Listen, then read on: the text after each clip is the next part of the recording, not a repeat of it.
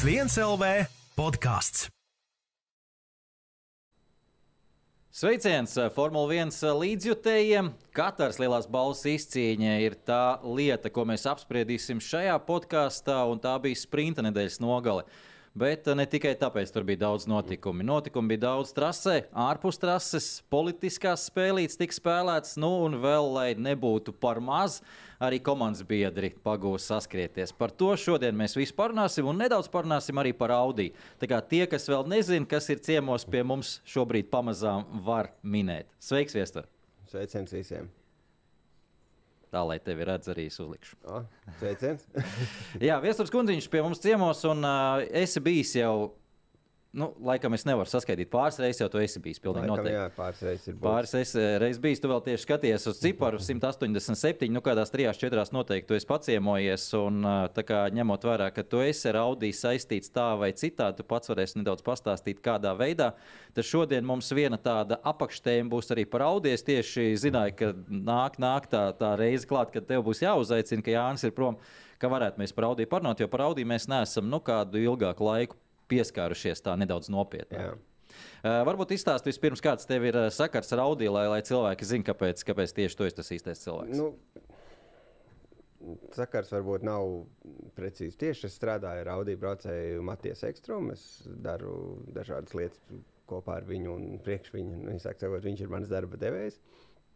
Un, nu, kad laika atpakaļ es arī strādāju vienu gadu ar Audi DTM komunikācijas sadaļā, un, un, un pirms tam es arī EKS komandai Rallija Krosā biju to vienu gadu, kad viņi bija ar pilnu Audi atbalstu. Es arī biju tur preses sekretārs. Kā, kaut kāda saikne ir, bet nu, šobrīd jā, tie, tieši, tiešais darbs ir strādāt ar ekstrēmu. Nu, protams, tas ietver kaut kādu sadarbību arī ar Audi. Uh. Pagājušajā, pirms pagājušajā posmā, ja nemaldos, tas bija. Tu man sūtīji, sūtīji video, kur tu skaties kopā formulu ar, ar, ar Karlos Sainz senioru, kā, kā viņš uz to visu reaģēja. Tieši kur Karlos bija, starp citu, mums Itālijā labās, labās pozīcijās. Arī... Tā, tas bija, tā man tās izkrita no, no galvas nosaukums, posms, ko Karlos svinēja. Jā. Um, Iela trasē. Uh, Singapūra. Jā. jā. Nu, viņam Itālijā arī bija labi, labi rezultāti, vairāk kvalifikācijā, bet jā, Singapūra pēc tam uzreiz jā. arī panākums. Jā. jā, jā, tas bija. Nu, Nu, kā, nu, jebkurš, jebkurš cilvēks, kuram ir, ir bērni, noteikti spēj asociēt šo sajūtu, ja tu redz, ka bērnam iet labi un ka tev ir satraukums. Un, Un, un tas viss jau tur bija. Jā, tas, nu, varētu teikt, ja viņam būtu garāki tādi vilkači nagi, viņš ievilktu galdā švīkas. Jā. Ir tīpaši tos, tos pēdējos apgabalus, kad tā spriedze bija no aizmugures, ka, kad, kad viņš, nu, viņš reāli cīnījās, lai noturētu savu uzvaru. Tas bija, bija, bija ļoti tāds nu, teiktu, emocionāls mirklis. Protams, arī nu, cilvēcīgi interesanti būt tādā kompānijā. Bet, nu, primāri, jā, tas, tas, tas prieks pēc tam, protams, ir neizmērojams. Viņš arī kaut ko vairāk stāsta par, par aizkulisēm, kaut ko, kā, kā Karlsam iet, vai īsti negrib tajās lietās iedziļināties? Uh, viņš, uh, viņš uh, mēdz apspriest, nu, jā, attiecīgi šī gadījumā viņš apspriedās mazliet arī ar, ar manu priekšnieku. Nu, ņemot vērā, ka Ekstromam ir 20 gadi šoseis braukšanas pieredze, viņš zina visus trikus, kas ir grāmatā. Uh, jā, tad uh, nu, viņš tā kā mēģināja, kā lai saka, tam ir pīstopi, un, un, un, un viņš prasa, bija labs laiks pīstopam, vai vajadzēja vēlāk vai ātrāk. Un, un, un tad nu, viņš gaida to apliecinājumu, ka, jā, ka, ka Ferrari neko nav sačakarējuši, ka viss ir kārtībā. Jā, katrā ziņā interesanti. Ar, noteikti varētu būt kādas aizkulisēs attiecībā par šīm attiecībām, kas bija starp Sainz un Verstapenu, kad viņi vēl bija vienā komandā. Jā, tur ir dzirdēts diezgan daudz, ka arī Karlos Seniors ar Josu Verstapenu ir sagājuši ragos. Nu, Kaut kas tas arī dzirdēts, ir vai nav? Es neesmu godīgi teikt, dzirdējis, bet es pieņemu, nu, Nu, ka tā ir tāda normāla situācija, ka tēti vienkārši tā kā futbola nu, tēti malā apmēram. Jā, jā tas nu, varbūt nevajag viņus laist vienā istabā. Un, un zinot, nu, ka abiem diviem ir temperaments, jā, un, un, un Karlos jau ir tāds, viņš ir tāds. Kamēr ir silti un labi, viņš ir mierīgs, bet uh, kaut kas nav kārtībā, tad viņš ir nu, rīktīgais spāņu matadors. Ja lec ārā, tad uh, es domāju, ka tur, uh, tur bija pietiekami daudz iemeslu, lai, lai šie, šie abi divi fāteri kaut ko nesadalītu. Eh, labi, nedaudz par Audi parunāsim. Eh, nu, šobrīd mēs joprojām to komandu pazīstam kā Alfa Romeo. Eh, patiesībā tieši šajā posmā bija tīri solīts tas rezultāts. Abi piloti punktos, Gunju Žugan pateicoties tam, ka gan Gazlī, gan Peres saņēma vēl pa piecām sekundēm arī pēc sacīkstes un pacēlās rezultātos uz augšu žūna abi punktos. Bet pāris uzlabojumi ir bijuši. Taču kopumā, ko, ko es gribēju par to Audi situāciju pateikt, es neesmu pārliecināts, ka ka šis risinājums šobrīd ir tas, ko es sākotnēji iedomājos, kā tas izskatīsies. Proti, Audi ir ļoti daudz laika pirms viņa oficiāli ienāk. Un man liekas, ka šobrīd sāksies tāds diezgan, nu, tas šobrīd bija gadu atpakaļ vēl vairāk. Investīcijas fonā, kapitāla ieguldījumi, un skaidrs, ka tā komanda ir jābūvē, jo nu, tas konkurētspējas cikls Formulā 1 ir ļoti garš. Nu, tu nevari ienākt Jā. un būt šitā un viss kārtībā. Tur ir infrastruktūra, tur ir cilvēki, tur lai viss arī ķīmija kopā strādā. Uh, Tas prasa ļoti daudz laika. Mēs redzam, ārkārtīgi daudz piemēru, cik laika tas paņems. Uh, problēma šobrīd izskatās tā, ka ne jau Audi pie tā ir vainojama. Vainojama tā situācija, ka vecais īpašnieks nu, joprojām nav līdz galam pārdevis to komandu. Nu, tas, tas process ir skaidrs, ka iezīmēts tos gadus uz priekšu. Šobrīd Audi pieder, bet mazākā daļa pieder. Un uh, Finam Rauzingam pieder, ja nemaldos, joprojām 70 cik tur procenti. Nu, skaidrs tajā brīdī, kad tu esi nolēmis savu mašīnu pārdot un pirmo iemaksu jau saņēmis, tā, tā kā analoģija ar mašīnu, tad tu neliksi tai mašīnai jaunas riepas virsū vairāk. Jā. Tu tai mašīnai nekādas remonta darbus netaisīsi vairāk. Tu nobrauksi viņu līdz galam un dos jauniem īpašniekam. Nu, man liekas, tas nav baigi ideāli. Priekš audies, domāju. Es domāju, ka viņi apzinās nu, to situāciju, un, un, un, es redzot, cik daudzi no cilvēkiem, ar ko es esmu gadu laikā bijis pazīstams vai strādājis kopā, vai kā, uh, kas šobrīd, kuriem LinkedInā ir nomainījies ieraksts, ja, ka viņi ir Audi F1.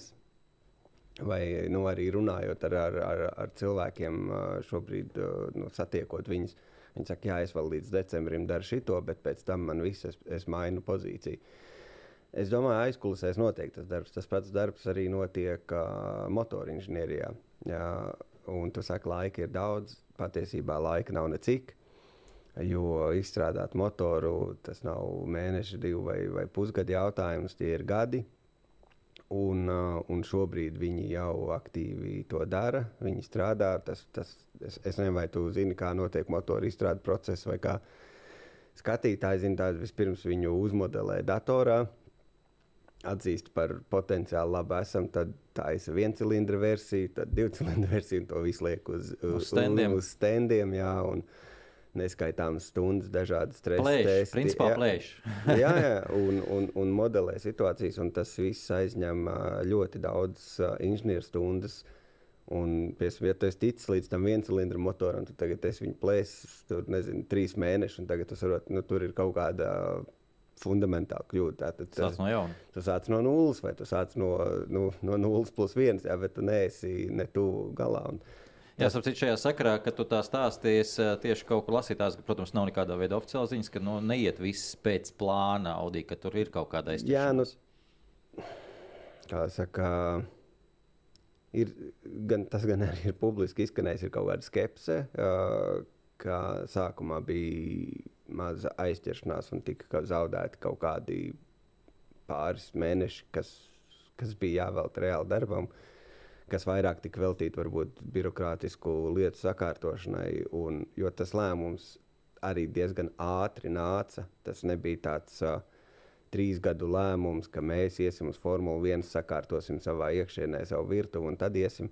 Šeit bija principā tas lēmums bija relatīvi ātrs, un, un pēc tam jau tika pakārtots uh, vispārējo lēmumu pieņemšana. Vismaz nu, tā tas izstāsta no mana skatu punkta. Līdz ar to uh, kaut kāds vērtīgs laiks tika zaudēts kaut kur. Bet, uh, bet protams, ir iespējas, uh, kā teikt, push hard. un, un, un, nu, viņi Audi, Audi ir pierādījis, ka viņi māca, nu, vai vispār Volkswagen grupa ir pierādījusi, ka viņi māca uzvarēt. Tātad nu, ja vajadzēs, viņi veltīs atbilstošus resursus un, un cilvēku stundas, lai to sasniegtu. Es ļoti ceru, ka viņiem izdosies. Jā, mēs, mēs uh, zinām, visi, kas notika iepriekšējā reizē, kad uh, dzinēja kompāniju steidzināja ienākt Formulā 1. Tas bija McLaren, kas steidzināja ļoti ienākt Honda. Kā tas viss beidzās Jā, neveiksmīgi. To, to, to, to, to iesteidzināto laiku pēc tam atguva vienkārši testējoties trasē. Trasē kā, tieši tā. nu, un- un Visiem redzot, un tas izskatījās Jā, jā. neglīti, protams, no malas, tas, Tas, tas, tas nav pats uh, optimālākais veids. Jā, ā, lai nu kā, tad ir skaidrs, ka šobrīd Audi, protams, koncentrējas ā, dzinējam, kā jau teicu, no komandas viedokļa tur šobrīd nedaudz tas viss joprojām turās uz iepriekšējiem ieguldījumiem, kas, nu, pateicoties, labi, būsim godīgi, Fins Rauzings izglāba savulaik Zauberu komandu, tā kā nevaram viņam neko īpaši pārmest, ā, bet no šobrīd skaidrs, ka viņš komandā īsti neiegulda, par ko pukstēja arī Valtteri Botas. Viņš arī saprot, kā tā sistēma strādā. Nu, viņš gan tikpat labi nebūs klāt, jo 6. gadā viņam līgums līdz 25. gadam ir. Bet, eh, nu, kas zina, nu, tomēr, kā, ko, ko lems Saudija, ko nelems, eh, vai ir kaut kas dzirdēts, kaut kāds baumas par pilotiem, vai tur nekas tam līdzīgs nav. nav, nav nekas nav izsūcies cauri. nu, tie, ja, ja arī kāds zina, tad tur ir Skaidrs. tik skaidrs. daudz, cik mēs visi lasām Twitterī, tik arī es varu pateikt. Eh, Labi, ķersimies klāt tām lietām, kas mums bija šajā nedēļas nogalē. Un sāksim šoreiz ar Tomasu Štocermani, un tad ķersimies katrai. Jo patiesībā es, man ir bail, ka mēs vienkārši beigās palaidīsim garām un aizmirsīsim par to parunāt, jo tik daudz katrā ko runāt. Uh, Tomas startējis ātri izstāstīšu kontekstu. Uh, pasaules čempionātā Frančija Korts trasē Itālijā, uh, pasaules čempionāts kartingā sezonas, nu, var teikt, tāds, tāds noslēguma bankets, tur varam tā teikt, ar pamatīgām izklaidēm. Izklaides ir pēdiņās eh, viennozīmīgi, jo tā konkurētspēja, kas eh, viņiem tur ir, un eh, tas līmenis ir ārkārtīgi augsts. Vienā klasē, jau kā klasē, ir 100 braucējiem, nu, un tur ka tie, kas tiek finālā pār pa 30, eh, kā, kā tiek ziņos, tur nu, vismaz 30 ir arī spējīgi kāpt uz godu piedestālu. Ļoti viss niansēti ir, bet ārkārtīgi augstā līmenī un stabili. Viņš visas trīs dienas bija savos kvalifikācijas hītos. Es nu, centos gan arī visus arī noskatījos tiešraidē. Uh, arī vienu uzvaru izcīnīja vienā braucienā, vienā bija otrais, tad bija vairākas sestās vietas, vienā bija astotais.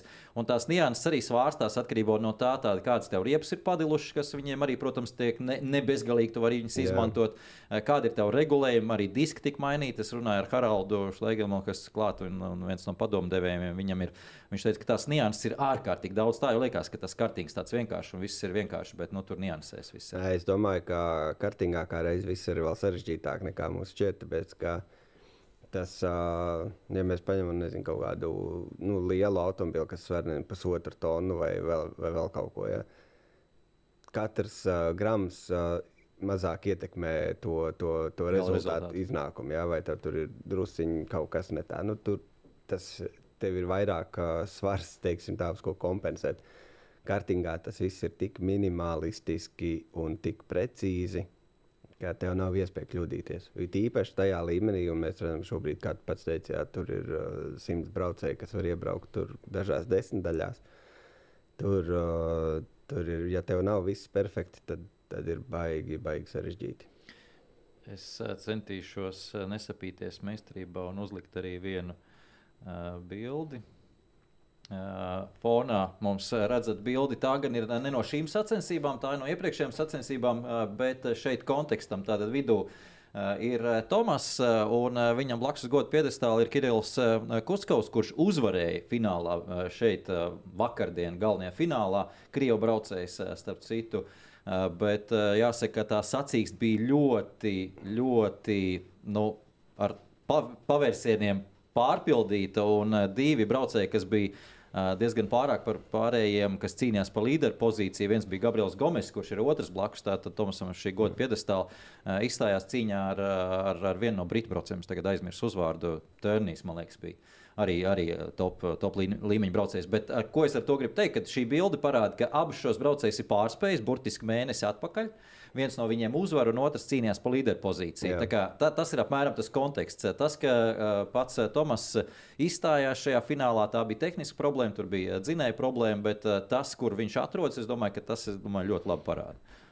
Jā, es, es tev pilnībā piekrītu. Nu, ka es nevaru teikt, ka es esmu superzinošs kartiņu pasaulē, bet eventuāli, protams, ā, tāda stabilitāte un regul, rezult, regulārs regu, rezultāts sniegums ir tas, ko, ā, ā, tas, ko jebkurš gaida. Un, e, nu, regulāri viņš arī ir tur top 10. Es domāju, viņš ir sev diezgan jau sevi pierādījis, lai, lai turpinātu kaut kur augstāk. E, Jā, nu un tā galvenā lieta, es domāju, arī ir tas, kas notiks nākamajā sezonā. Par to mēs varam daudz e, diskutēt, un spriest un prognozēt. Mēs ne, neviens nezinām īsti, kas notiks nākamajā sezonā, jo viņš ir sasniedzis to slieksni, kur ir jā, jāpārkāpj ar Formule 4 čempionātu.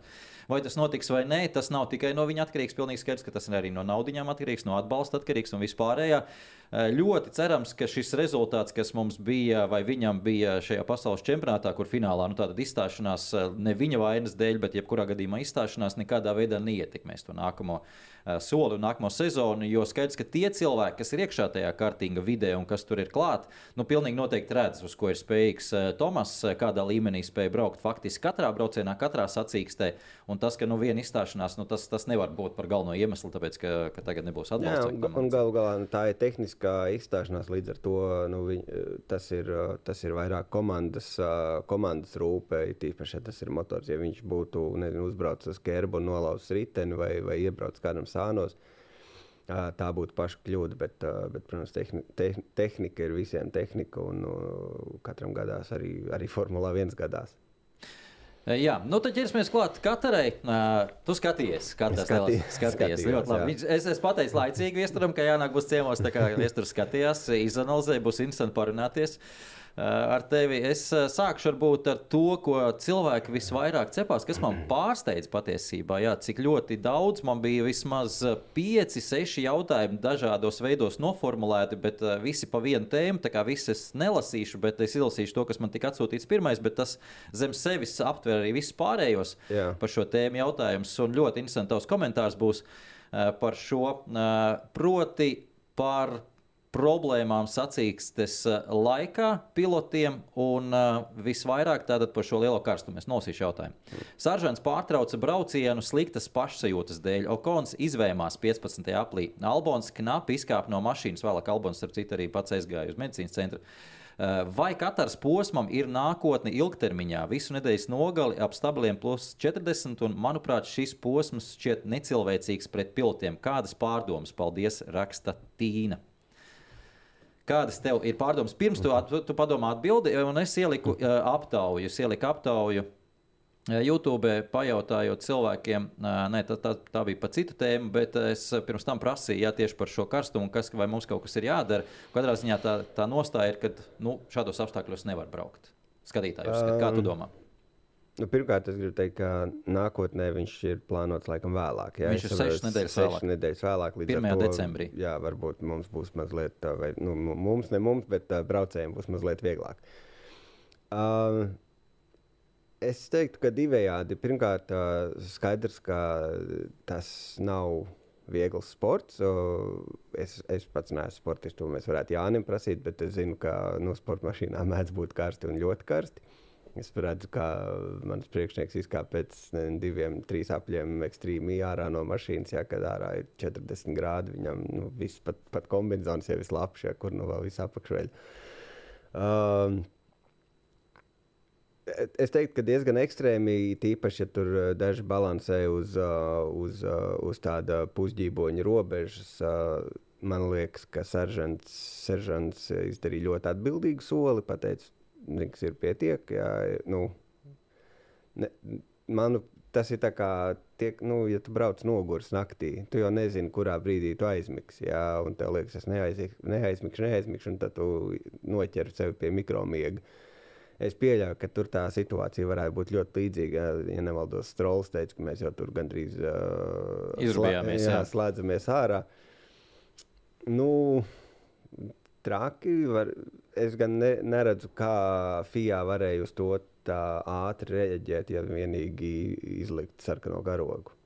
Man, nu, man, man šķiet diezgan traki, nu, to lasot tos komentārus, klausoties tos komentārus. Uh, pēc tam, ka viņi saka, ka ne, pat braucot taisnē, atver vizieri un, un tāpat nav, nav gaisa. Nu, karstums nāk iekšā reāli. Jā, es tā iedomājos, nu, es zinu, ka daži sportisti piemēram ieliek um, velotrenžieru saunā.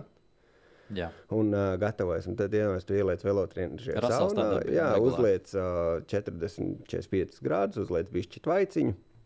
Un tad vēl ieslēdz matu fēnu, lai tev puš karstu gaisu mm. sejā. Mm. Nu, varētu būt diezgan traki redzēt. Jebkurā es... brīdī tu no saunas vari iziet, tomēr treniņa laikā. Jā, jā, šeit tu es... īsti neizkāpsi. tu neizkāpsi. Nu, vienīgais, ko tu vari izdarīt, ir apstāties, apstāties ceļmalā. Jā.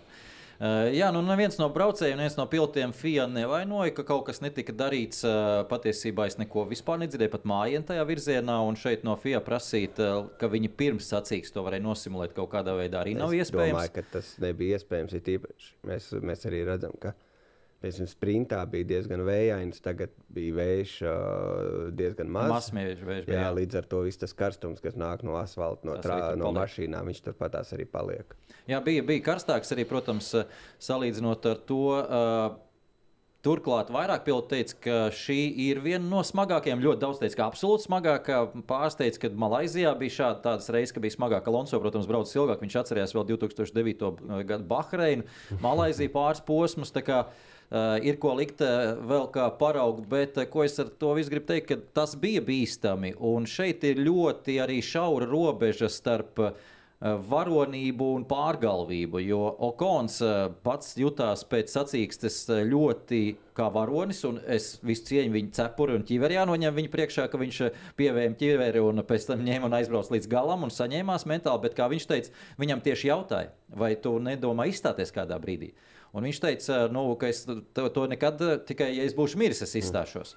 Un šis, manuprāt, ir nedaudz pārgalvīgi. Jo tas, ko tu teici par sāržantu, tā bija, tā bija drosme patiesībā. Jo skaidrs, ka viss pasaule skatīsies uz tevi un teiks, nu, nu kā tu izstājies tā. Ja? Bet viņš jau atceries, starp citu, man uzreiz prātā nāca Laudas izstāšanās 76. gadā Fuji. Jā. Rašu filmā. Tie- Tieši tas pats kaut kas tam līdzīgs, ka tu tomēr spēj novērtēt to risku un to, to ka tu nespēji to risku izturēt. Nu, Laudam, protams, savi iemesli viņam vēl atcerī vērās, ciet ņemot vērā, ka tā operācija nebija uztaisīta līdz galam. Kā, bet viņš to atzina, ka viņš nevar nobraukt to sacīkstu. Bet uh, kā es, es uh, weekendā noskatījos senas filmu. Vēl vienreiz, kā, kā sen nebiju redzējis, domāju, jānostās. Un tur arī, ja nemaldos, Brazī pēc Brazīlijas sacīkstes viņam vairs viņam knapi pietika Jā, spēka izkāpt jā. no mašīnas. Viņš tā kā rokas pacelt, Jā, jā. tā nav. Tā nav. Um, Nav nekas īpašs, bet tajā Jā, laikā arī fiziskais bija jā, jā. Nu, diezgan zemā līmenī. Un, un otrs, ko es gribēju teikt, mēs, ja mēs paskatāmies tā caur, caur visu to braucēju sastāvu, dažādi braucēji br- pēc sacīkstēm izskatījās dažādā kondīcijā. Daži bija pilnīgi nost, un daži bija tā, ka ok, tagad vajadzētu vienu dienu off, bet pēc tam viss būs labi. Jā, nu, Verstapens neizstājās kā, kā pēc boxa mača, jā, un, un, un, un skaidrs, viņi visi bija dehidrējušies un noguruši, bet dažiem bija izskatījās ir grūtāk nekā citiem. Un ā, šeit ir vēl viena lieta, un pastiprināšie apstākļi, kas ā, varbūt ā, šoreiz dod to optimismu, ka pat ne optimismu, bet nu, pār, pārliecību, ka nevajag neko mainīt. Jo šobrīd es neredzu iemeslu kaut ko mainīt. ā, Arī par Kataru, kā jau mēs runājam, tas būs sešas nedēļas vēlāk. Nākamajā gadā, 1. decembris, ja nemaldos, bija smūgs cipars. ā, Posms, kad būs vēsāks trasē, jo tā otra lieta ir, kas sakarā ar Pirelli šīm izmaiņām, par ko mēs runājām, visi brauca visus apļus kā kvalifikācijas apļus. Tev nebija jātaupa riepas vairāk, tad tev ir četri nogriežņi ar trim boxu apmeklējumiem. Nu, pa, katrs boxu apmeklējums arī starp citu vēl papildus stress. Turklāt trase, kā jau daudzkārt es runāju, arī komentējot, ir uh, motošoseis trase. Tur nav lēno līkuma faktiski vispār. Uh, viņi ir ļoti, ļoti plūstoši, un tas nozīmē, ka tā īsti laiks atpūsties ir tikai taisnē. Jā. Pārējā laikā tev maksimāli ir jākoncentrējās, un tu brauc 57 kvalifikācijas apļus. Tas ir tas lielākais uh, faktors, ar ko bija jārēķinās, kas nogurdina. Un uh, pilnīgi skaidrs, ka tajā brīdī arī tā bīstamība parādās. Ja būtu klasiskā sacīksts, es domāju, ka mums būtu mazākā formātā visa problēma. Turklāt vēl arī vienīgais pilots pelotonā, kurš m, šo sacīksti nebrauca kā 57 kvalifikācijas aplis, bija Verstapens. Jā. Viņam bija tas pārsvars gan, uh, gan stratēģijā, ar riepām, to mēs arī vēl izrunāsim, gan, protams, arī tempā, ka viņš izveidoja atrāvienu un varēja vienkārši menedžēt, kā teikt, to savu atstatumu līdz sekotājiem. Viņš nebrauc visu laiku uz uh, spēju robežām, Protams. un viņš arī jutās nedaudz labāk pēc sacīksts. Jā, bet jā, nu tas ir labs arguments. Bet es piekrītu par to, par to, par to ja mēs paskatāmies apli laikus, tad cik, ā, cik tuvu kvalifikācijas aplim brauc uh, uh, sacīkšu režīmā, tā nekad nav. Jā, ir īpaši kaut nu, sacīkšu sākumā, ja mēs paskatāmies iepriekš vai, vai, vai, vai divas sacīkstus atpakaļ. Jā, tad uh, uz, uz pirmajām riepām viņi brauc tur 7, 10 sekundes lēnāk apli. Jā. Jā, viņi taupa, viņi menedžē, viņiem katram ir sava stratēģija, katram kaut kāds noteiktais apļu, apļu skaits, apļu laika delta uzlikt, uz ko viņi tēmē. Tagad te nevienam nebija atlaists. Man liekas, ka te sakrita vienkārši sakrita apstākļi, pirelī riepas, karstums, bezvējš. un, un tad tas viss kopā iedeva šos apstākļus, kas, kas fiziski iznīcināja tos braucējus. Jā, tavam teorijai es vēl vienu arī konkrētu ciparu varu pateikt, jo es apstījos salīdzinot aplēks. Tas bija 16. aplis, kad Džampiero Lambazī, Maks Verstapens sacīkšu inženieris, mm. pateica, pirms, pirms boxa apmeklējuma plānotā, tu vari uzbraukt šobrīd ātru apli, Nu, jā. viņš to pateica savādāk. Maks Verspēns pat nesaprata pirmā brīdī, ko no viņa prasa. Bišķiņ, bišķiņ pabraucam, bet neriskējam. jā, jā. jā bet uzbraucam maksimāli, cik varam faktiski, un, un, un tad brauksim boksos. Un Maks Verspēns uzbrauca labāko apli uzreiz pa sekundi, pacēla savu, savu tā brīža iepriekšējo apļa uh, tempu. Un viņš uzbrauca minūti 27,8 nopaļojot, kas bija par 4 sekundēm. Uh, lēnāk nekā kvalifikācijas, nekā popozīcijas aplis. Yeah. Un, ja pēc tam rēķina gan degvielas daudzumu, kas ir mašīnā, gan uh, Uh, nu, izlīdzsvarojam baterijas patēriņu, kas arī, Rieps protams, to, bija pabraukts. Jā, tieši galā. tā. tā tas faktiski ir popozīcija ātrums. Mēs jā. varam teikt, ka viņš tiešām to brīdi uzbrauc, uzbrauc kvalifikācijas apli, var teikt, un visi pārējie to darīja faktiski, nu, labi, ne visus 100% un visus 100%, 100 apļus, bet nu, lielāko daļu sacīksts. Tā kā te mēs nonākam tā lēnām, labi, vēl pēdējā lieta par to karstumu.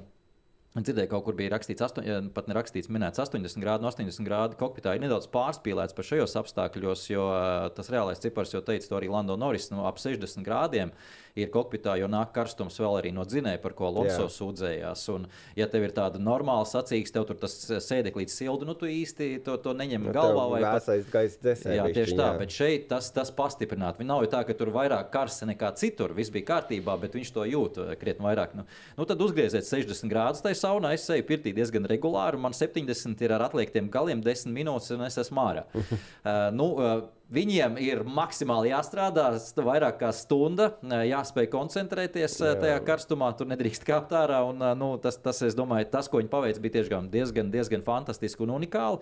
Un visiem Uh, milzīgs, uh, milzīgs cepurnos, bet uh, tajā ziņā, ka mums vajadzētu vai FIA kaut ko vajadzēja mainīt, un arī sacīks laikā, es domāju, ka īsti jau laikam nē. Jo šeit katram pilotam tomēr ir par sevi jāuzņemas atbildība, jo mēs redzējām, ka daži to dara. Es domāju, ja mēs atceramies nu, cik gadus atpakaļ bija tie, tie bērnu jauniešu dziesmu sēkļi, ka mums ģība tie bērni mēģinājumā, ja nemaldos. Ja? Un, ja mēs redzētu, ka tāda situācija, nezinu, seržants izstājās, tad, tad strāls iebrauc boxos, tad vēl kāds iebrauc boxos. Nu, masveidīgi, jā, jā.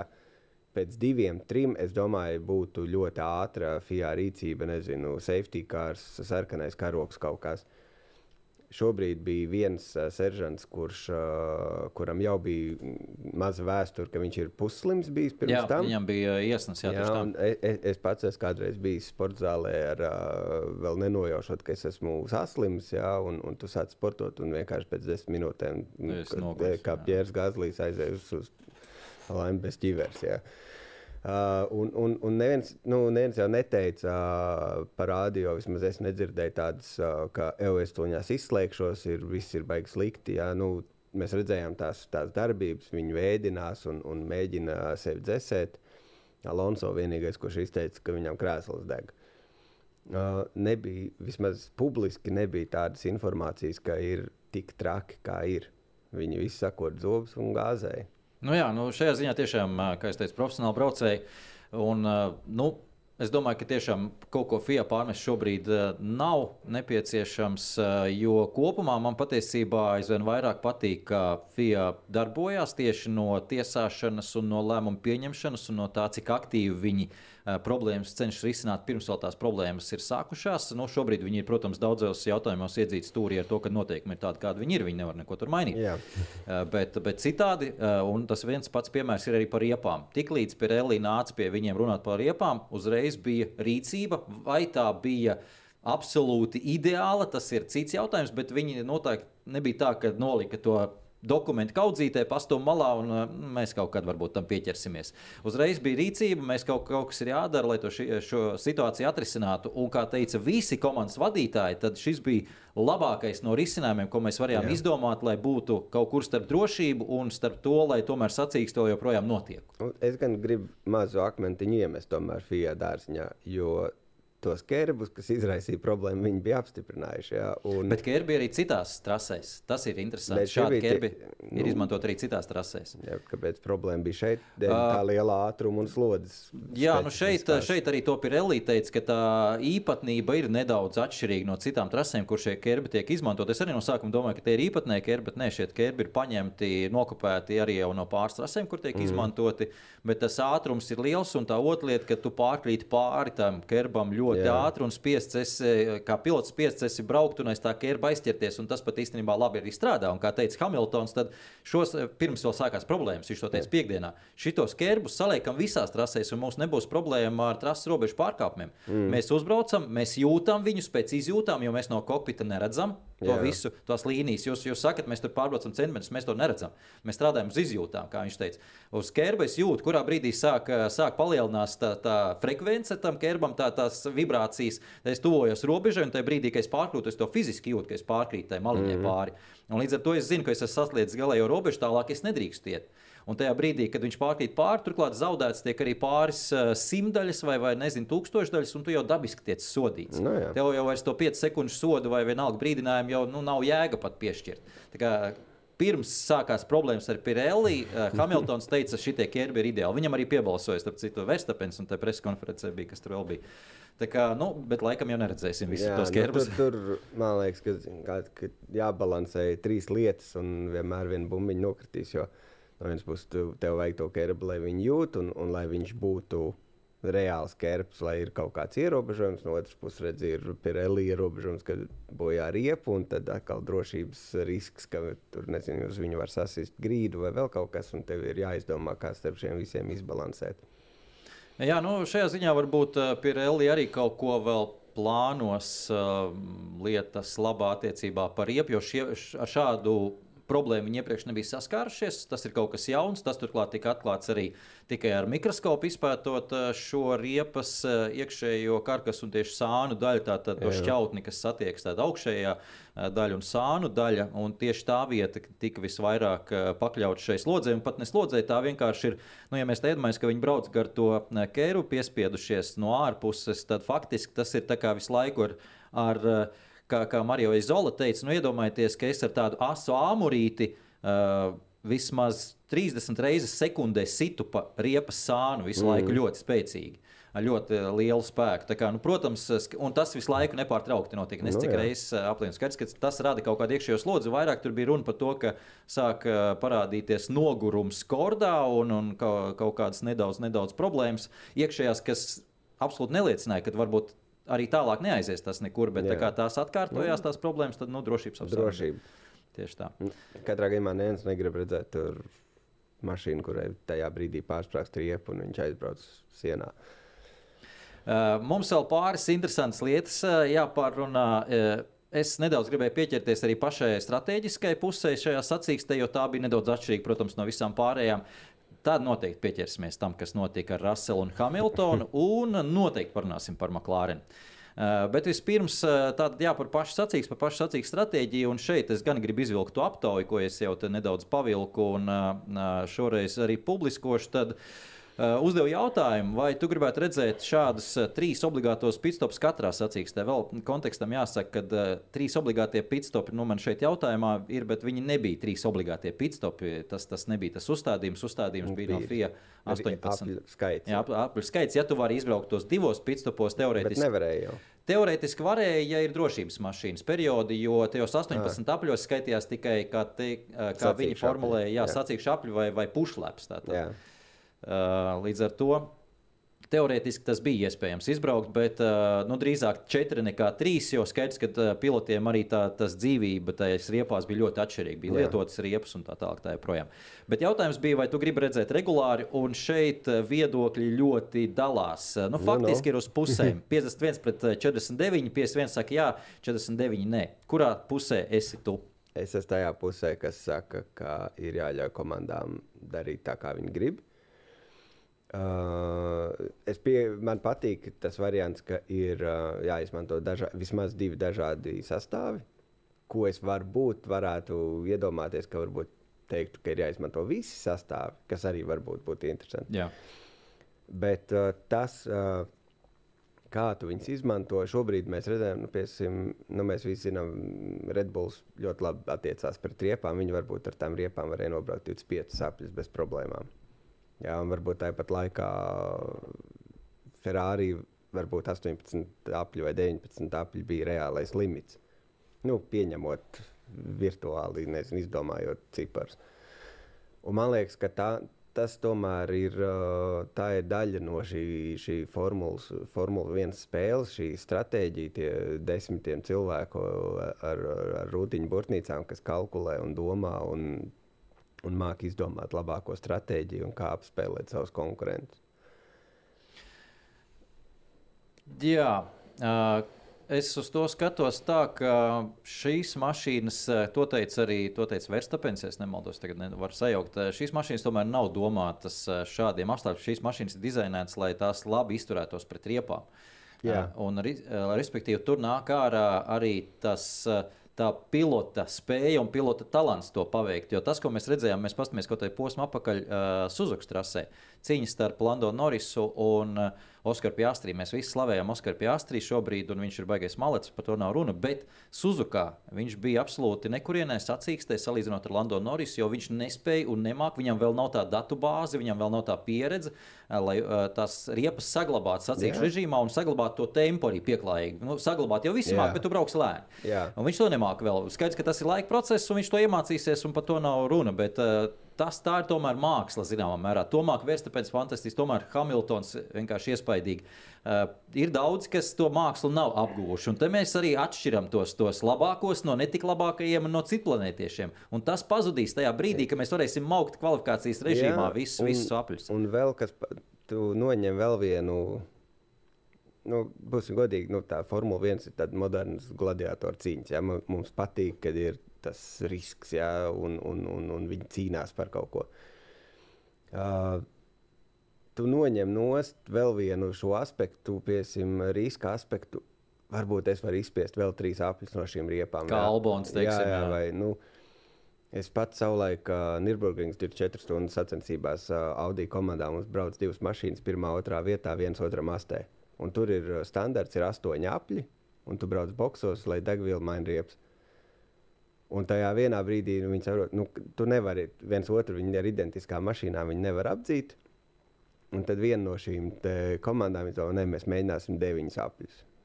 Jāmēģina deviņi apļi, lai, lai iz, izietu no šī no ritma. Jā, jā. Un ne, nesanāca. Jā, bet, bet tev ir šis riska faktors, ka tu pieņem lēmumu, jā, mēs mēģināsim riskēt. Tev braucējs saka, jā, mēģinam riskēt, un nesanāca. Un, ja būtu sanācis, varbūt būtu sanācis, un varbūt viņi būtu varoņi. Jā, tā kā Nu, arī Hamiltons, kad tas bija divi gadi atpakaļ, vai kad viņš ar, ar, ar cauri riepu finišēja. Jā. Jā. Nu, mēs mēs uh, automātiski izņemam šādu riska faktoru ārā, tāpēc ka visi zina līdz 18. aplim vai līdz 20. vai 15. vienalga. Visi, visi iebrauks boxos. Jā, tā kā tas eh, pirmā, es teiktu, ka šis eksperiments kā tāds, es par to arī diezgan eh, sapriecājos pirms sacīks, ka tas notiks. Es ļoti cerēju, ka tā notiks, eh, un es esmu apmierināts, ka tā notika, jo mēs beidzot arī notestējām dzīvē. Kad, kad mums vēl tādas iespējas būs reāli notestēt kaut ko tādu, bezmaz obligātu apmeklējumu skaitu, pitstop skaitu, kur turklāt ir pietiekami daudz. Mēs to notestējām, izmēģinājām. Mēs varam šobrīd reāli izvērtēt, kā tas strādā, vai tas nestrādā, un vai tas ir atbilstoši mm, šīm tehniskajām uh, tehniskās ēras mašīnām. Uh, nu, es teiktu, ka drīzāk nē, nekā jā, bet pārmaiņas pēc bija patīkami to redzēt. Ja, protams, es teiktu, pie esošiem apstākļiem risinājums bija ļoti labs, uh, lai, nu, lai sacīks vispār notiktu, lai mums būtu uh, kaut kāds šovs. Un uh, otrs, ko es gribēju teikt, pie šī tā visa, nu, un, un tie tie, tie pirmie pitstopi, ja, ne, ja neskaita safety car pitstopus pirmajos apļos, tad vienmaldos Alonso jau iegāja 12. aplī. Tur diezgan ātri vienbrīd ir tāds bardaks tajā mm, sarakstā, ka tu, nu, tā, ja tu ne, nepasako līdzi, kurš ir bijis, kurš nav bijis pitstopos, kurš ar kurām riepām brauc. Tur es teiktu, tāds uh, ir īpaši mazāk pieredzējis skatītājs, var, var godu vārds apjukt. Es, es pat brīžiem nesapratu, kā tas, kāpēc tas ir tur tagad. Un pēc trīs apļus vēlāk viņš, à, viņš jau tagad ir tur atkal. Un, nu, tur, Nu, krietni vairāk jāsako līdzi. Jā. Es šo minēju arī komentējot, ka tas ir kaut kas līdzīgs, kā ļoti liela daļa, ne visas, bet liela daļa arī indīkāra sacīkstes, jo tur ir tāda degvielas uzpildi un šīs. ā, Šīs atšķirīgās stratēģijas ļoti bieži tiek izmantotas, un tur ir tā situācija, ka sacīksts pēdējā nogriezienī pēkšņi parādās mūsu pirmajās pozīcijās pilots, kurš tur vispār nebija visu laiku, bet viņš ir fonā cītīgi strādājis uz savu stratēģiju, Jā. taupījis degvielu, kas un reāli tikai pašā beigās viņš iznāk priekšplānā. Un, ja tu to visu laiku esi palaidis garām, tad, nu, tad tev liekas milzīgs pārsteigums, bet patiesībā, jau, protams, pēc pazīmēm tas ir nolasāms. Uh, labi, mēs neiesim dziļāk tajā lietā. Uh, pavisam ātri par Verstapenu, kur Verstapens uztaisīja šo sacīkstu. Verstapenam bija viena no labākajām situācijām attiecībā par riepām. Viņam bija svaigās riepas, vidējais sastāvs bija absolūti ideālās riepas. Mīkstās bija par švaku, teiksim tā. Viņas nedēva daudz apļus laika, tie 18 absolūti tur nebija. Cietās savukārt deva to pašu. No 18 apļus vairāk jau viņas nevar izspiest no cietajām, bet viņas sekundi lēnākas nekā vidējās, līdz ar to tās arī bija neizdevīgas. Tā kā visi maksimāli izmantoja vidējās, cik nu vien tas bija iespējams, ja bija saglabāts. Un Verstapens līdz ar to iegūst to, ka pirmo nogriezni viņš varēja braukt līdz tam uh, 16, 17 aplim. 17. sanāk aplim. Uh, kamēr visi tālāk aizmirēja, un arī tuvākie sekotāji, kā pie astrī bija uzlīts lietotas uh, riepas lielākā daļa, vismaz ne visi, bet liela daļa, un pie astrī bija 5 apļus ātrāk jābrauc boxos. Tas nozīmē, šeit bija kaut kas līdzīgs kā rallycrossā, ka līderis brauc un skatās, tā, ka visi pārējie jokeri ir veikuši no šajā Jā. gadījumā pitstopu. Tad arī viņš to izdara, un viņš to izdara bez riska, jo neviens viņam īsti priekšā netiek. Nu, protams, tik ideāli neizgāja tas viss, jo tur vēl bija pāris tikpat li lieli gudrinieki kā viņš. uh, bet, bet tas sanāca viss ļoti veiksmīgi, un tālāk tiešām menedžēja to sacīkstī. Un uh, nu, tā otra lieta, kas, kas izauga no tā visa, nu, Lando Norris uh, bija tas otrs elements tajā strateģiskajā spēlē. Kas parādīja, pirmais, cik ātri var pabraukt. Jo pirmkārt, viņam bija formula, ar kuru ātri var ļoti pabraukt. un Viņš bija ne savā pozīcijā, viņš nebija ne to apmierināts ar savu desmito starta vietu, un mašīna ir ātra. Un viņš bija pirmais, kas jau atcerēs, bija tas, to mums arī parādīja tiešraidē, atskaņojot tiešraidē. Viņš bija pirmais, kas teica, tas temps ir ātrāks krietni nekā, nekā mēs domājam. jā. Ka mēs varam braukt ātri, liekam virsū un ķeram visus pārējos. Un, jā, viņi uzlika ātri šīs eh, nākamo, nākamo boxu apmeklējumu laikā. Viņi uzlika nākamās riepas un noķēra eh, Leclerc. Ko viņš trasē apzina, un uz boxiem viņš apzina Alonso un Okonu. Jā, nu, un attiecīgi Mercedes paši sevi izslaucīja no trases. Tā kā, ideāli priekšmaklā. Jā, Ma Maki arī man tāds uzlika ātrāko pitstopu, vai ne? Jā, 1,8 sekundes bija pie astotnes. Amazing. Jā. Uh, bet par, uh, es mazliet gribēju pieminēt par riepām. Es ļoti nesapratu, kāpēc Pēters startēja ar uh, hārdiem. It īpaši sacensību sākumā. Es, Uh, sapra, nu, es, es varu, man nav tagad pie rokas, kāds viņam bija tas pieejamo riepu skaits.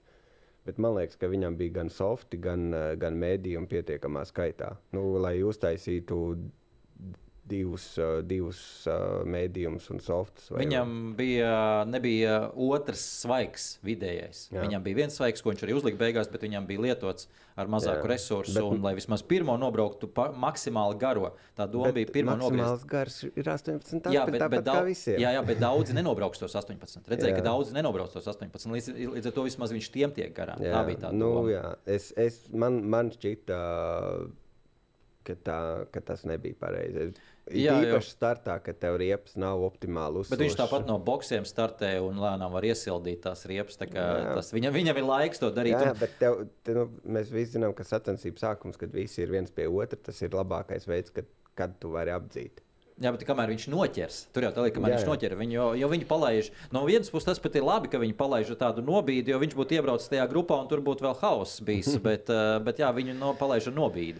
Jā, bet man līdz galam nepārliecināja. Varbūt e- Pēres nu, vispār nepārliecina nu- līdz galam šogad. man liekas, tur var atsevišķu raidījumu par viņu, diemžēl. Jā, uh, vēl pavisam īsi par, par ļoti labu, starp citu, bija stratēģija Valtteri Botas. Ātrums arī ir Alfa Romeo. Šeit runājot par nāko, nākamo no Audi, jo ir uzlabojumi pēdējos divos posmos. Bet stratēģija vienkārši lieliska. Viņš iebrauc ļoti agri boxu apmeklējumā, ieguva uz uh, drošības mašīnas rēķina un ko Jā. izdarīja.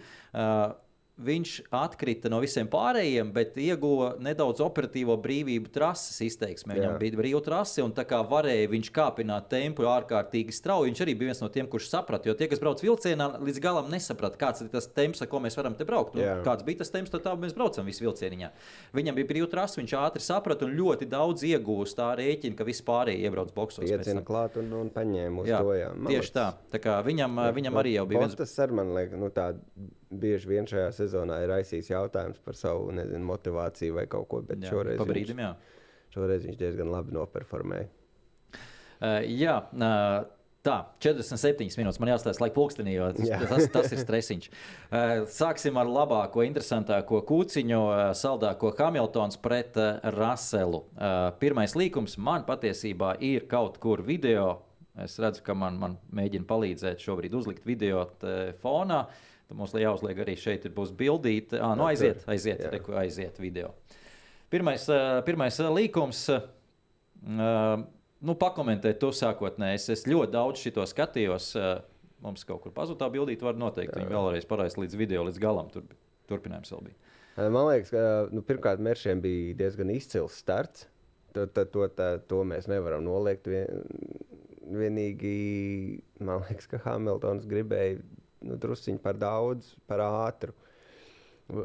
Es pieņemu, ka tur ir atkal uh, tas fakts, ka viņi nelīdz garam visu redz, kas notiek apkārt. Viņi sēž tik dziļi tajā kokpitā un aiz ķivers un, un halo un vispārējā.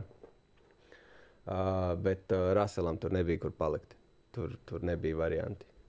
Jā. Jā, paldies, paldies par video. Jā. Uh, nu, šī ir interesanta lieta, jo Atcerieties, iepriekšējā posmā jau bija tāds pirmais, pirmā koķetēšana ar, ar sadursmi, un uh, tie puiši kādā brīdī nonāks droši vien sajies ragos viens ar otru, un uh, Mercedes to, uh, to mēģina kaut kādā veidā nu, saglabāt to mieru komandā, un, protams, negrib kāpt uz tā paša Rosberga grābekļa, uz kur viņi 2016. gadā uzkāpa. Bet no vienas puses tā ir arī tāda patīkama problēma, jo, ja viņi ir tajās pozīcijās, tas nozīmē, ka viņi abi ir diezgan spēcīgi piloti, un vismaz tas, tas ir tā labā lieta. Eh, bet par šo konkrēto incidentu eh, Lūsis Hamiltons atvainojās un uzņēmās atbildību vēl sacīks laikā. Man viens no līdzstiem pat atsūtīja viņa, viņa tvītu, kur viņš saka, ka simtprocentīgi uzņemos atbildību, eh, kas ir labi, bet vēlāk, paskatoties viņa intervijas, visas noskatoties arī pēc sacīks un sacīks laikā, kļūst skaidrs, ka Hamiltons vienkārši ir baigais vecis. Un viņš, es domāju, ka līdz galam nebija sevī pārliecināts, ka simtprocentā ir viņa vaina, bet mīļā miera labad komandas nomierināšanas labad, uh, nu, kā komandas līderis, viņš uzņems atbildību, liekam to malā un ejam tālāk. Uh, vaina pilnīgi noteikti ir vairāk viņa pusē. Tā arī izskatās, ka uh, nu, tajā brīdī, tur, kur viņš mēģināja atgriezties tajā trajektorijā, nu, skaidrs, ka bija par agru atgriezties, un kā tu teici, Raselam mm. īsti nebija kur iet. Vienīgā lieta, ko es varētu pārmest Raselam, ir tas, ka ir pilnīgi skaidrs, zinot Mercedes, kā viņi strādā, kāds ir brīfings, kāds ir skrupulos plāns, tiek vienmēr izstrādāts. Hamiltons startē ar mīkstās sastāvriepām. Jūs esat pirmajās, pirmajās divās starta rindās. Uh, tas, kur startē Hamiltons un kur startē tu, ir pilnīgi skaidrs, ka tur pirmais vai otrais scenārijs, pirmais vai A, B plāns ir, ka viņš ies pārmalt tev garām. Ka viņš ies tev garām mm. ar mīkstā sastāvriepām pirmajā līkumā, ka viņš mēģinās izmantot to saķeri. Tiks garām Verstapenam vai nē, tas ir cits jautājums. Bet tas, ka eh, Rasels tēloja pārsteigumu, ka viņam nāk Hamiltons garām. Nu, tam es neticu. Tam es vienkārši neticu. Nu, tur jau, ja, ja mēs paskatāmies vēl pirms pirmā līkuma, jau, jau Rasels diezgan smuki viņu spieda ārā. Jā, jā, jā, kur... dod man vietu, dod man vietu. Un, um, Uh, tas, tā, tas jau bija tāds pirmā indikācija. Man jau likās, ka tur tuliņās būs sūdi. Tur jau gandrīz bija. Jā, tur jau bija ritenis ritenī. Jā, tieši tā. Uh, un, un, un, uh, un, diemžēl tas nu, pāris sekundes vēlāk tas eskalējās vairāk. Par to, par to Mercedes situāciju kopumā, es, man liekas, es jau iepriekšējā reizē teicu, tādā ideālā pa, nu, neviena komanda to tā pa īstam nepateiks, jo varbūt izņemot Helmutu Marko. Visiem vajag to. Uh, līderis un uh, zobennesējs vai bruņu nesējs, vai kā viņu sauc. Uh, Ūdens pienesējs. Jā, ūdens pienesējs. Līdz nomainītājs. Jā. Kurš, ā, kurš palīdzēs stratēģijai, kurš, ā, kurš paņems uzvaras tad, kad līderis nepaņem, kurš atņems punktus tad, ā, pārējiem un, un nodrošinās šo komandas drošību. Mercedes šobrīd, manuprāt, domā tādā ilgtermiņā. Skaidrs, ka Hamiltons ir uh, līderis vai vismaz morāls līderis. Bet uh, nu, viņa smilšu pulkstenītis uh, nepielūdzam tek, un, un tagad vēl ir divu gadu līgums, vai ne? Bet vai viņš būs vēl pēc tam? To, Jā, protams, tu, kas protams, to lai jā. zina? Jā, un viņi varbūt mēģina nu, šī brīdī audz, audzēt to Raselu par nākotnes, nākotnes Hamiltonu. Tāpat laikā Rasels jau nav gatavs atteikties no rezultātiem šodien. Viņš grib būt šodien, viņš Tieši grib tā. būt labāks par Tieši tā. Hamiltonu. Viņš tā spriedzi, ko viņam uzliek visi apkārtējie mēdīji un vispārējais, ka viņu katru dienu salīdzina ar uh, Hamiltonu. Tāpat kā Pēresu katru dienu salīdzina ar Verstapenu. Jā, tas ir nenormāls sloks. Un uh, es domāju, ka tieši tā kā tu saki par Raselu, tas pats attiecas arī uz Hamiltonu. Viņš ir pēdējos divos gados, un skaidrs, ka viņš grib to astoto titulu. Par šo jau mēs esam daudz runājuši. Viņš pilnīgi noteikti jūtas apbižots, nepamatot pēc 21. gada. Viņš zina, ka viņam pienākās tas astotais tituls savā prātā. Viņš zina, ka viņam pienākās, un viņš grib to dabūt. Viņš skatās uz Mercedes, ka viņi būvē vai nebūvē to mašīnu, kādu vai, vajag viņam, lai izcīnītu to titulu uz nākamo gadu. Viņš streso. Un pilnīgi skaidrs, ka tur abi divi šobrīd ir tā nedaudz uz nažiem, un arī Mercedes pa vidu mēģina to visu nobalansēt. Un tas ir viss interesanti, bet, kā jūs teicat, šajā situācijā gluži pateikt, ka vaina tikai un vienīgi ir Hamiltonam, un es neesmu viņa nenormāls līdzstājs. Piedodiet, es neesmu, bet es tā īsti tam nepiekrītu, un arī viņš, es jūtu, ka viņš arī pats tam līdz galam nepiekrīt, bet katrā ziņā Mīļā, viņš. miera labā. Mi, tieši tā, mīļā miera labad, un viņš, kā, viņš arī teica, es kā komandas līderis, tā bija pirmā Jā. intervija, es kā komandas līderis uzņemos atbildību. Viņš arī nodemonstrē to, ka viņš, viņš, arī viņš gāja atvainoties Raselam, un ir viņa vaina lielāka. Ja tur būtu jādala procenti, es noteikti viņam krietni lielāks procents dalītu. Mm. Jo, kā tu teici, Raselam tajā brīdī nebija ko likties, bet tas ir tā, ja mēs izgriežam to pašu pēdējo klipiņu ārā, jā, viņam tiešām tur nebija ko likties. Bet, ja mēs pieliekam klāt to brīfingu, kas bija pirms starta, tad es tam īsti neticu līdz Jā. galam, ka viņš nezināja, ka nāks viņš pāri garām tur. Un otra lieta bija pilnīgi skaidrs, tajā līkuma stadijā uh, Rasels vairs uh, Verstapenam garām netiks. Nu, tur skaidrs, ka Verstapena līkums tas ir. Bet uh, Hamiltonam tur vēl nu, varēja visādi būt. Viņš vēl varēja pa to ārmalu uztaisīt kamikādzes gājienu ar mīkstā sastāvu riepām un tikt, jo nākamais līkums ir pa kreisi, tāds nedaudz kink, kā saucamais. Jā. Un tur vēl varēja paņemt iekšmalu. Tā kā nu, tīri teorētiski, nu, cik viņš ilgi noturētos, tas ir cits jautājums, jā, Jā. protams. Bet, uh, tur Es- vēl varēja visādi sajust. Es vēl mazu iestarpināšu, kā tu teici par astoto titulu. Kas notiks? Nu, pieņemsim, Mērs nākamgad uzbūvē uz acītu mašīnu.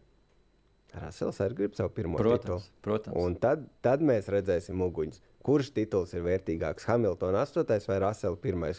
Kuram Toto Wolfs laudīs Mēs, mēs, mēs visi šitā te sēžam un bērzējam rociņus un gaidām to mirkli. Un es to mirkli jau gaidu pirms diviem gadiem, un es uh, lādēju Mercedes, ka viņi nav uzbūvējuši to formulu un ka viss, viss tur tā. uh, Tehniskais lepnums ir stājies viņiem ceļā, vai nezinu, kas tur viņiem stājies ceļā, lai viņi atmestu savu, savu ne, neveiksmīgo vanskaru teoriju un pieķertos jau Red Bull jau laicīgi. Tā kā būtu viņi to uzbūvējuši, mums būs fantastisks uh, duels, būtu bijis. Vēl ar visiem pārējiem būtu jācīnās. Kā, uh, Es, es ceru, Ka es būs. ceru, ka būs, un es ceru, ka būs interesanti. Un vēl pa vidu tur Maksis un, un Leclerc un vispārējie. Jā, tieši tā. Eh, Nevaram nepieminēt, mums ir trīskārtais pasaules čempions. Tāds nedaudz, eh, nedaudz varbūt fonā palicis eh, notikums, bet, protams, mēs apsveicam Maksu Verstapenu ar šo panākumu. Tas bija skaidrs jau vasaras sākumā, laikam, ka tā tas notiks. Tas notika šoreiz sprinta sacīkstē.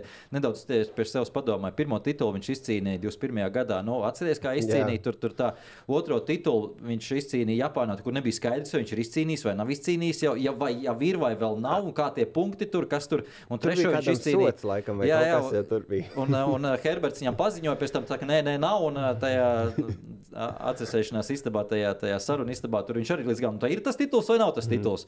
Tagad trešo titulu savukārt uh, sprintā sestdienā, kur uzvar pie Astrid. Jā. Tā kā, nu, pagaidām tie tituli viņam nenāk ar tādu kārtīgu dūri galdā. jā. Jā, tā, tieši tā. Interesanti. Bet nu, vēl ir laiks, un izskatās, ka nav jau arī trešais, nav pēdējais. Nu, tā izskatās, jā, tas, kā viņš strādā, ir, um, es teiktu, šobrīd fenomenāli. Tur gan, gan komanda, gan mašīna, gan arī nu, viņš pats nav tā, ka beig daudz kļūdas pieļāvis. Tieši tā. Uh, savā labākajā formā, un šeit, uh, vai tu piekrīti tādam, tādai tezei, ka pēc 21. gada sezonas, kad es uzskatu, ka tā bija nu, unikāla, protams, visi, visiem sajūsmā un tā, bet 21. gada sezona uh, sakrit tas mirklis, ka tie divi bija faktiski viens bija ceļā uz augšu, savu labāko formu, otrs varbūt bija sasniedzis savu labāko formu. Es domāju, Hamiltons abi satikās tajā mirklī un punktā, un viens otru vēl pastūma to kripatiņu augstāk, jo tu redzēji, ka neviens komandas biedrs, viņiem arī abiem, abi komandas biedri, ne Botas, ne Peres, nu, tur ne smags no viņiem nebija. Viņi līdz nespēja turēt tiem džekiem. Protams, uh, nu, kā saka. Jebkurā sporta veidā tu, tu vari kļūt stiprāks tikai spēlējot ar stiprāku pretinieku. Jā, un tad tas tev dod to, to ekstra desmit daļu. Jā.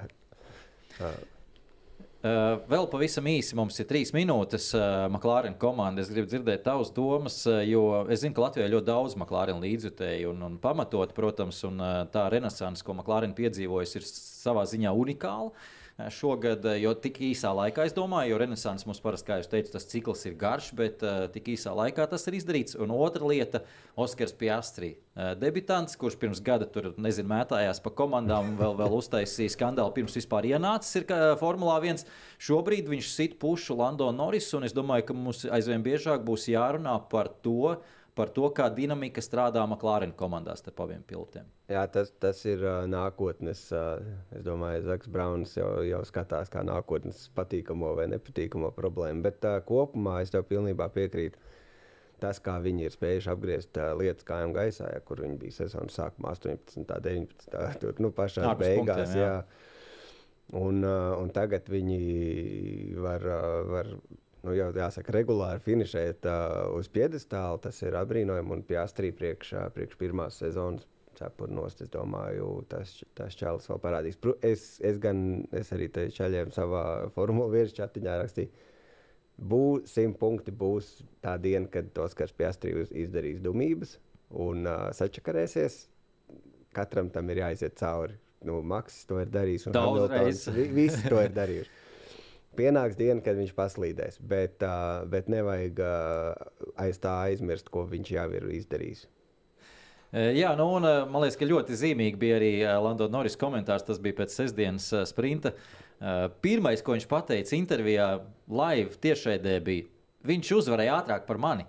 Jā. Tā kā viņš ir gatavs to atzīt, un nu, tas ir krupis, nepaknapu krupis, krupis kas jānorīd. Es domāju, ka tas nav baigi norīts. jā, nav, jā pie, pie, pieņem, ka tur vēl kājas redzams ir, bet šajā ziņā nu, viņš to pirmais pateica, pirms viņam uzdeva to jautājumu, jo pilnīgi skaidrs, ka kāds viņam uzdos to jautājumu, ļoti nepatīkamo. Un, nu, labi, tā bija sprinta sacīks, tā nav lielā sacīks, bet jebkurā gadījumā.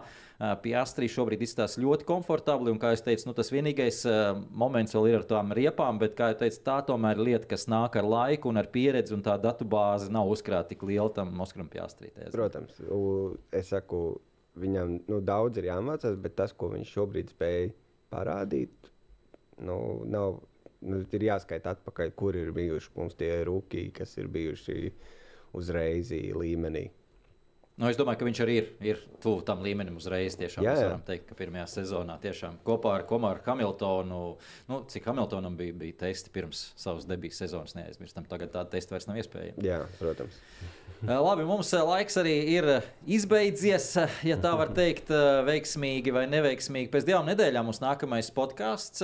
Tas būs pēc ASV Lielās balss izcīņas. Jānis būs atpakaļ, būs nosauļojies, cerams. Pastāstīs kaut ko jauku un interesantu. Sezonas noslēgums mums par Ziemeļameriku un Dienvidameriku. Pirms atgriežamies atpakaļ uz Abu Dabi. Līdz tam iespējams vēl kāds tāds mājas sakopšanas podkāsts arī taps, lai, lai varbūt tās lietas uh, apskatītu, ko mēs nepaspējām. Bet uh, man liels paldies jāsaka Viesturam. Paldies, ka atnācīji. Paldies, ka uzaicināji. Jā, interesanti perspektīva no tavas puses, kā, kā tu skaties to visu, protams, par Audi. Interesants lietas pastāstīja, bet uh, nu, kas mums atliek? Mums atliek gaidīt nākamo posmu. Uh, protams, ASV. Un neaizmirstam, ka mums ir divi ASV posmi, un Lasvegas, es vēlreiz atgādinu, būs unikāli. Cik oh, nāk ziņas? Jā, tieši tā, cik nāk ziņas no turienes, nu, tas ir kaut kas iespaidīgs. Kas tur, tur būs top. diezgan augsts tajā naktī. Tas... Jā, ļoti augsts. Tur, tur būs cimdijā vēl. jā. jā, tieši tā. Labi, paldies, paldies, ka skatījāties, paldies, ka uzdevāt jautājumus. Tiekamies nākamajos podkāstos. Paldies!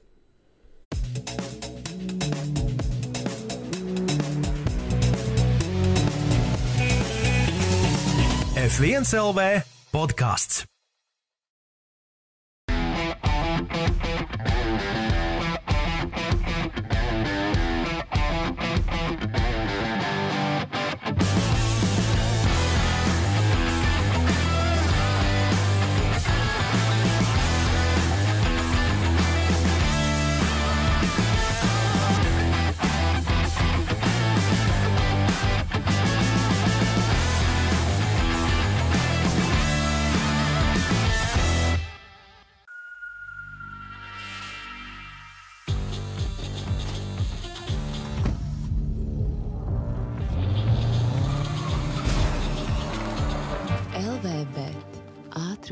Maksu Casino.